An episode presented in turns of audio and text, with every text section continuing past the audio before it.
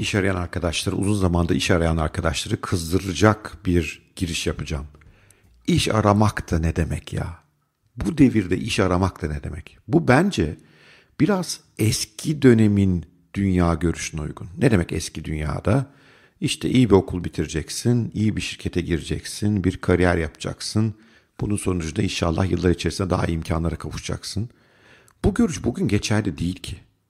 Bu görüşün geçerli olmamasının sebebi işte dijitalleşme, yapay zeka, otomasyon gibi sebeplerle zaten büyük şirketlerdeki kariyer fırsatları gittikçe azalıyorlar. Bu yönden geçerli değil. Yani böyle bir iş bulsanız bile bunu sizi annenizi babanızı uzun yıllar istihdam eden işlerden birine benzeme ihtimali çok düşük. Çünkü şirketlerin öyle bir ömrü yok, mesleklerin öyle bir ömrü yok. İkincisi çok daha büyük fırsatlar var. Ne demek büyük fırsat? Büyük bir şirkette çalışmanın güven verici yönleri olabilir. Doğru kabul ediyorum ama bir yandan da aslında pek çok insanın ruhunu öldüren bir şey. Çünkü tutkunuza uygun değil. Otorite sizde değil. Patron ne söylüyorsa onu yapıyorsunuz. Kontrol sizde değil. Bazen bile bile yanlış işleri yapmak zorunda kalıyorsunuz çünkü yönetici öyle söylüyor. Geleceğinizi bile kontrolünüzde değil. Şirketin patronun yapacağı yanlış atılımlardan dolayı bir gün işsiz kalma ihtimaliniz son derece yüksek. O yüzden aslında kurumsal hayat o kadar da matah bir şey olmayabilir pek çok insan için. Sevenler var ayrı. Herkese sözüm yok ama pek çok insan için pek de matah bir şey de olmayabilir. Zaten yürümesi zor bir yolculuk pek çok insan için. Peki ne fırsat var? Tutkularınızın peşinde koşma fırsatı var. Ne tutkunuz? Mesela yemek yapmak.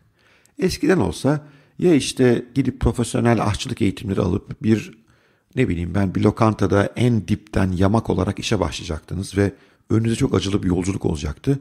Ve muhtemelen bu yolculukta da yolda zaten işin e, sürünmesinden bezmiş olacaktınız. Şimdi öyle ki. Eğer hakikaten yemek yapmayı seviyorsanız pekala bir YouTube kanalı açabilirsiniz.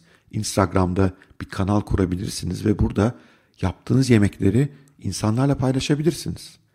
Eğer bu paylaşımlarınız çok güzelse ve çok sayıda insan sizi izlemeye geliyorsa o durumda da yemek fenomenine dönüşebilirsiniz.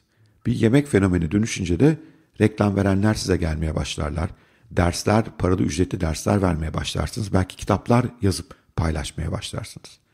Yeni dönem tutkusu olan bir insanın bir konuyu tutkulu şekilde bilen ve bu bilgisini güzel anlatmayı bilen videolarla, podcastlerle, görsellerle ve web siteleriyle bunu anlatmasını bile insanların önünde muazzam fırsatlar açıyor. Bu fırsatların bir bölümü bu YouTube gibi, Instagram gibi platformlar sayesinde geniş kitlelerle buluşmanın ucuzlamasından kaynaklanıyor. Niye? Benim bildiğim mesela bir tane kamyon şoförü var. Sadece kamyon yolculuklarını videoya çekiyor. Fakat çok da güzel yapıyor arkadaş bunu. Milyonlarca insan izliyor bu videoları. Yani kamyon şoförü arkadaş normal yolda giderken kendini kaydediyor. Yolda yaşadıklarını, aracının işte yol koşullarına olan tepkisini, zorlu yol koşulları vesaire bunları anlatıyor. Ve milyonlarca insan onu izliyor. Ve o bir fenomen artık bundan gelir elde ediyor. Reklam gelir elde etmeye başlamış durumda. Yani bir tutkun varsa o tutkuyu bu platformlar üzerine insanlara anlatman ve izleyiciler yakalaman mümkün. Ama sırf bu da değil. Pek çok platform var. Mesela bir onluk gibi, işte Türkiye'de yoğun kullanılan Armut gibi, yurt dışında çok kullanılan Fever gibi pek çok aplikasyon var. Bu aplikasyonlar belli bir konuda bir yeteneği, becerisi olan insanlar mesela grafik tasarım yapmayı biliyor, illüstrasyon yapmayı biliyor, iyi video çekmeyi biliyor. Neyse bu hizmete ihtiyacı olan insanları buluşturuyorlar.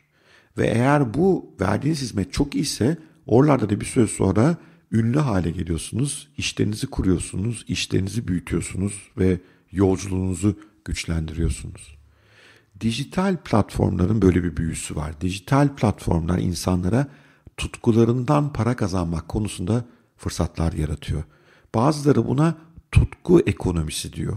Çünkü ilk defa insanlık tarihinde büyük bir şirkete mahkum olmadan, büyük medya kuruluşlarına mahkum olmadan tanıtımınız için e, bir web sitesi tasarımında bir dijital uzmana mahkum olmadan her şeyi kendinizin yapabildiği, çok düşük maliyetle yaptığı ve eğer yetenekliyseniz güzel şeyler yapabildiği ve bunu da dünyayla kolay buluşturabildiği bir dönemdeyiz.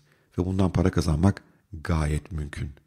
O halde tavsiyem size iş arıyorsanız belki bir yandan iş aramaya devam edin diyecek bir şeyim yok. İhtiyacınız acil olabilir vesaire anlıyorum. Ama bir yandan da bir daha bu duruma düşmemek için ben ne yapacağım? Hangi tutkum var ki bu dünyada? O tutkuyu iyi bir ürüne, iyi bir hizmete dönüştürebilirim.